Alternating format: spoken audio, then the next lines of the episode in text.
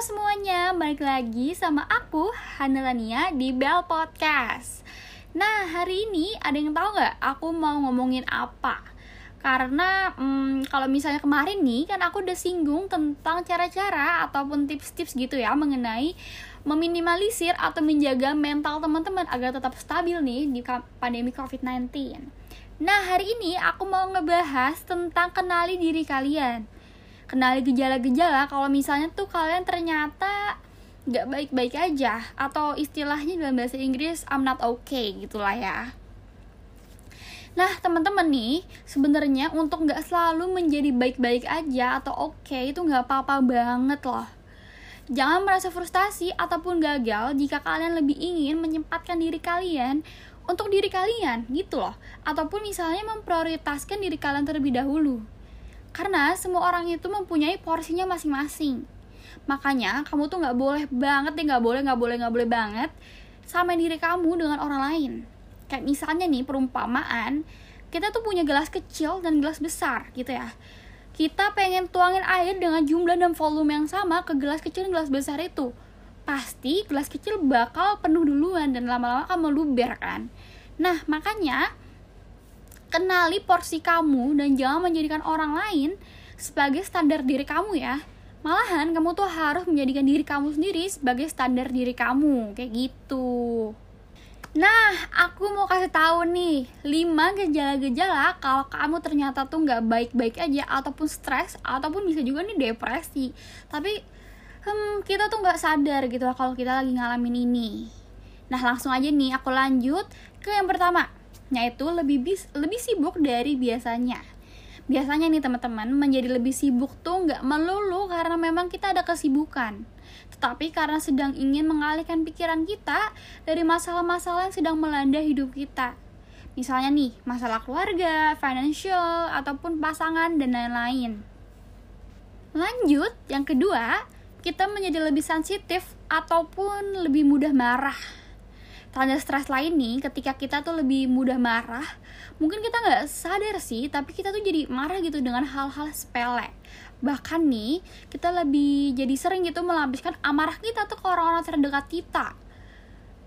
Hmm nih ya teman-teman. Itu tuh udah jelas banget kalau misalnya kalau kita marah-marah kayak gitu itu karena kita tuh emosinya lagi nggak stabil.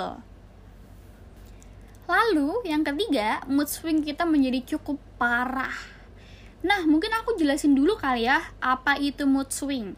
Nah, mood swing adalah kondisi saat kebahagiaan, kesedihan, dan juga amarah terasa begitu dekat, kayak bestie banget deh pokoknya. Ketiga hal tersebut berganti secara cepat dan datang tiba-tiba. Pokoknya tanpa sebab deh tiba-tiba aku bisa marah, aku bisa sedih, dan aku pun bisa senang, kayak gitu. Lanjut nih yang keempat kita menjadi hilang arah ataupun tujuan hidup. Terkadang nih, kalau kita lagi nggak baik-baik aja, ataupun lagi stres dan depresi, terkadang tuh membuat kita merasa lebih kehilangan arah dan tujuan.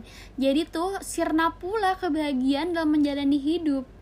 Dan kita pun jadi nggak ada motivasi untuk bergerak dan memulai hari baru gitu. Karena kita ngerasa kayak ah ya udahlah hidup hidup tuh begini aja. Padahal kan hidup tuh indah ya teman-teman. Kita harus nikmati gitu karena kan YOLO you only live once gitu Oke, kita masuk nih yang terakhir yaitu mengisolasi diri. Nah, ini udah sering banget kita temui dan terjadi di kota-kota besar ya, Bun. Orang yang sedang stres ataupun depresi, pokoknya yang sedang tidak baik-baik aja deh. Itu sering banget cenderung meng mengisolasikan diri mereka atau mengurung diri mereka. Pokoknya mereka nggak mau deh ketemu orang lain Nah hal ini tuh bisa menemukan pikiran-pikiran negatif Pokoknya kalian nih kalau lagi nggak baik-baik aja cari temen Cari temen untuk berdialog gitu Nah, sekian dari beberapa tanda-tanda kalau kamu tuh sedang stres ataupun sedang tidak baik-baik aja, tapi kamu nggak sadar.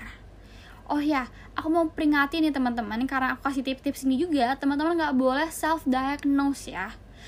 Misalnya nih kalian tuh mengalami 4 ataupun tiga dari tanda-tanda tersebut, kalian tuh harus langsung cari orang untuk berdialog ataupun ngobrol.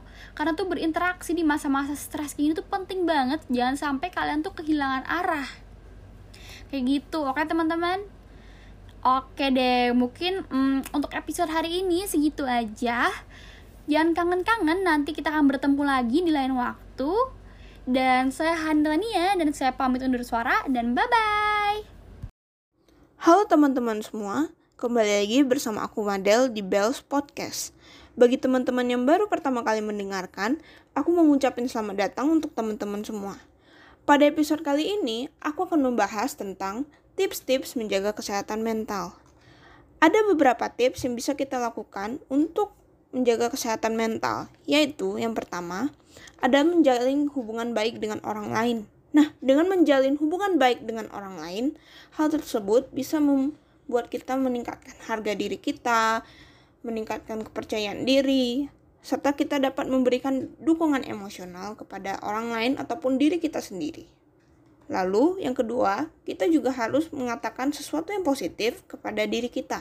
Nah, cara pandang diri kita terhadap kita dapat mempengaruhi kekuatan kita dalam melakukan sesuatu di mana pada saat kita memandang diri kita sebagai sesuatu yang positif, maka kita sendiri memiliki semangat hidup yang besar. Lalu, kalian juga bisa melakukan olahraga nih teman-teman.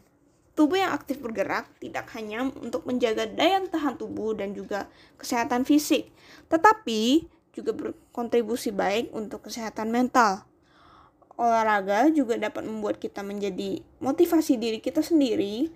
Lalu, dengan berolahraga, kita juga bisa sambilan menghirup udara segar yang dipercaya bisa mengurangi stres. Lalu, kita juga bisa mencoba hal-hal yang baru. Kenapa? Karena dengan mencoba hal-hal yang baru, hal tersebut dapat membangkitkan kepercayaan diri kita sehingga kita bisa berpeluang untuk berhubungan dengan orang lain. Lalu kita juga bisa membantu orang lain yang sedang kesulitan. Karena dengan kita membantu orang lain yang kesulitan, kita dapat menghargai diri kita sendiri dan juga berpikir secara positif serta kita dapat mensyukuri hal-hal yang terjadi dalam hidup kita. Jadinya kesehatan kita, mental kita tetap terjaga. Kemudian kita juga bisa bangun kesadaran fokus. Nah, membangun kesadaran dengan memperhatikan apa yang terjadi dapat mengurangi emosi negatif. Nah, gimana sih caranya? Kalian bisa dengan meditasi selama 10 sampai 15 menit seharinya. Lalu, kita juga bisa mengonsumsi gizi yang seimbang nih, teman-teman. Karena dengan mengonsumsi gizi yang seimbang, hal itu dapat menjaga daya tahan tubuh dan juga fisik serta membuat pikiran kita menjadi lebih positif. Lalu, kita juga bisa tidur yang cukup nih teman-teman karena jika kita tidurnya kurang, maka pikiran kita itu akan selalu berpikir negatif, sehingga hal tersebut dapat mengganggu kesehatan mental kita. Selain itu, kalian juga bisa mendengarkan musik klasik nih teman-teman. Nah, ada penelitian yang menunjukkan bahwa mendengarkan musik klasik dapat membuat suasana hati dan pikiran kita menjadi tenang, sehingga kita bisa terus positive thinking. Kemudian, Kalian juga bisa nih mencari bantuan medis apabila kalian merasa kewalahan menghadapi kesehatan mental. Segera konsultasikan ke tenaga medis agar mendapatkan saran-saran terbaik supaya kesehatan mentalnya bisa tetap terjaga. Nah, itu dia tadi tips dari aku untuk menjaga kesehatan mental kita ya teman-teman. Karena kesehatan mental itu sangat penting untuk dijaga dengan kita menjaga kesehatan mental, maka kita memiliki kesehatan hidup dan semangat yang tinggi. Kemudian, kesehatan fisik juga terjaga dengan baik. Terima kasih yang sudah mendengarkan. Sampai bertemu di topik menarik lainnya, teman-teman. Stay safe and stay healthy.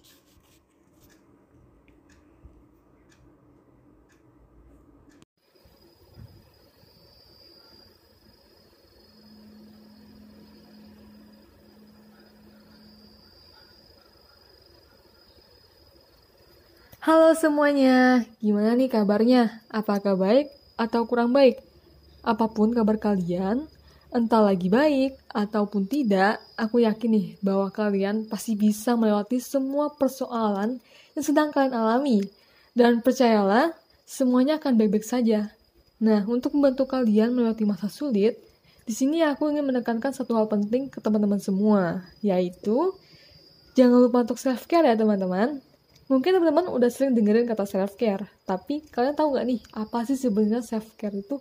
Dan apa manfaatnya jika kita melakukan self-care? Menurut Helen L. Kuhn, psikolog kesehatan klinis, self-care itu dapat dikatakan tindakan untuk fisik, emosi, relasi, dan mungkin juga profesional dan edukasi. Self-care juga dapat diartikan sebagai kesejahteraan spiritual yang mencerminkan cara kita menjaga diri kita sendiri pada tingkat yang paling mendasar – atau jika kita sederhanakan, self-care itu adalah cara kita mencintai diri kita sendiri.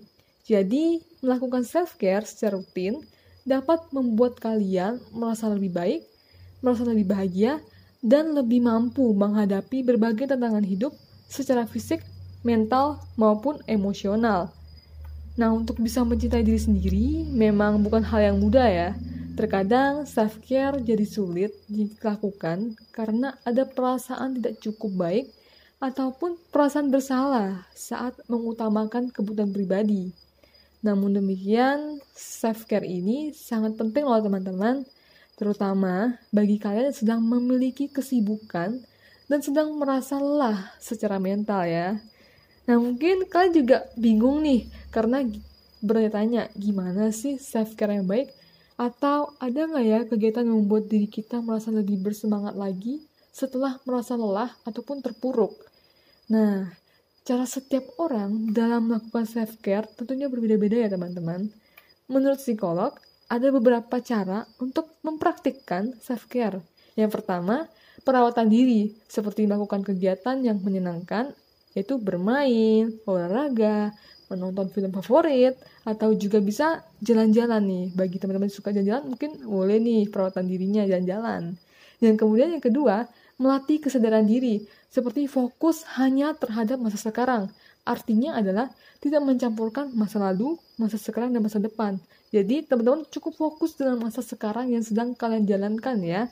Ataupun kalian juga bisa melakukan meditasi untuk melatih kesadaran diri kalian.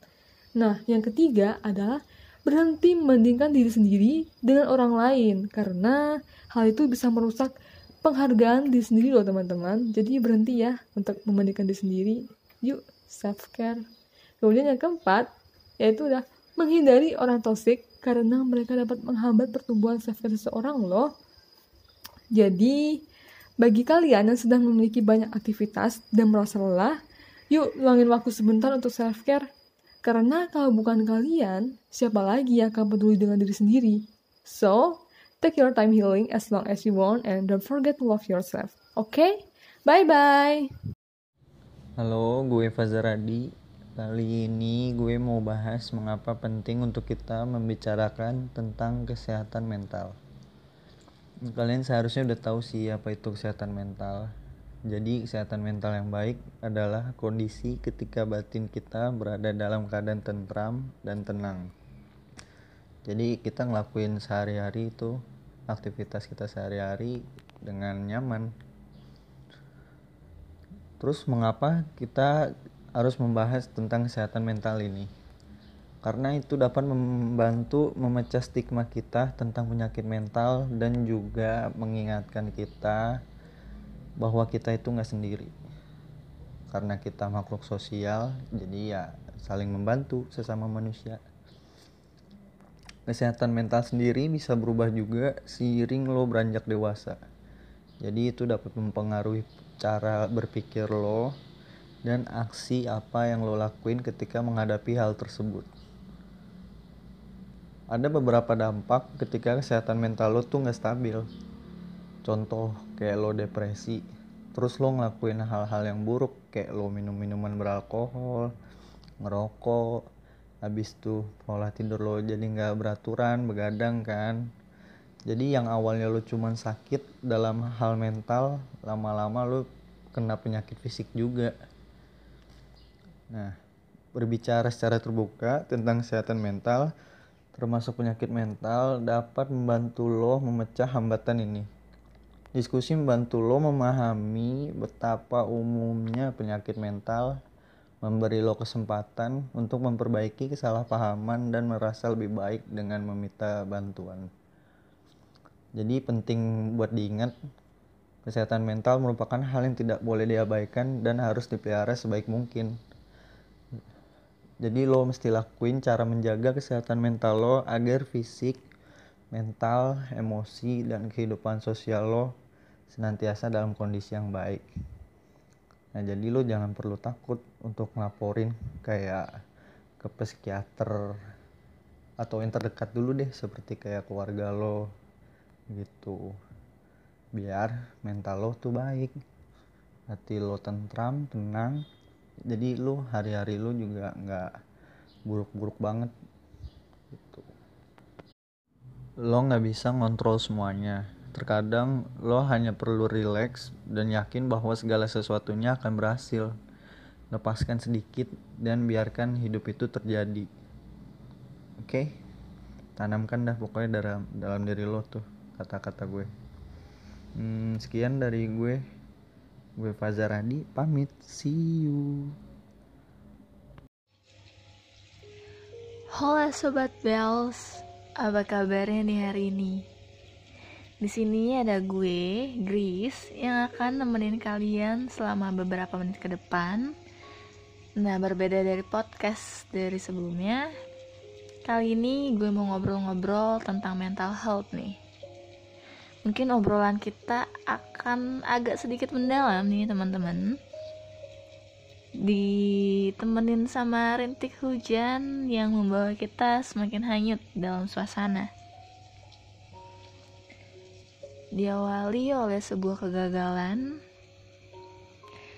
Siapa di sini yang suka ngerasa kalau gagal adalah akhir dari dunia. Mungkin gak sedikit ya dari kita. Tapi aku harap semua manusia di bumi dapat tahu apa yang akan aku sampaikan. Gak semua gagal muncul karena kurang usaha ada yang gagal karena kurang beruntung. Ada yang gagal karena waktunya kurang tepat. Ada yang gagal karena takdir yang kurang ajar. Ada pula yang gagal karena kurang orang dalam. Gimana nih menurut sobat Bells? Karena menurut aku Selain usaha ada yang namanya takdir dan keberuntungan yang gak bisa di otak atik jalan ceritanya.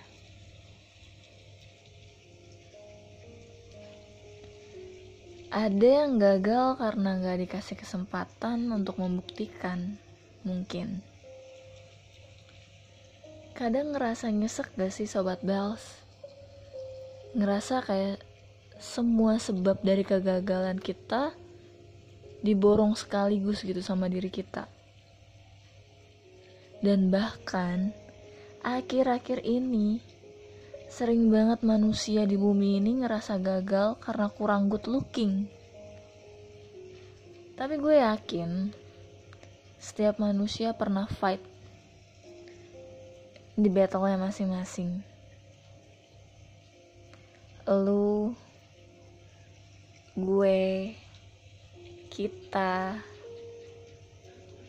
jadi kalau sampai hari ini lo masih benci sama diri lo sendiri karena satu dua tiga empat lima dan seterusnya dan banyak hal yang mengecewakan jangan pernah lupa kalau lo itu pernah fight sekeras itu Dia menyerah, tapi dia juga berusaha. Dia menangis, tapi dia juga pernah sekuat baja. Dia lalai, tapi dia juga pernah berlari sekencang mungkin, tapi tak sampai. Dia keras kepala, tapi hatinya pernah hancur berkeping-keping tanpa sisa. Semua orang pernah jatuh, tapi pernah juga bangkit dan berdiri tegak. Jadi, kalau hari kamu terlalu buruk untuk mengingat yang baik, ingat saja kamu setidaknya pernah mencoba.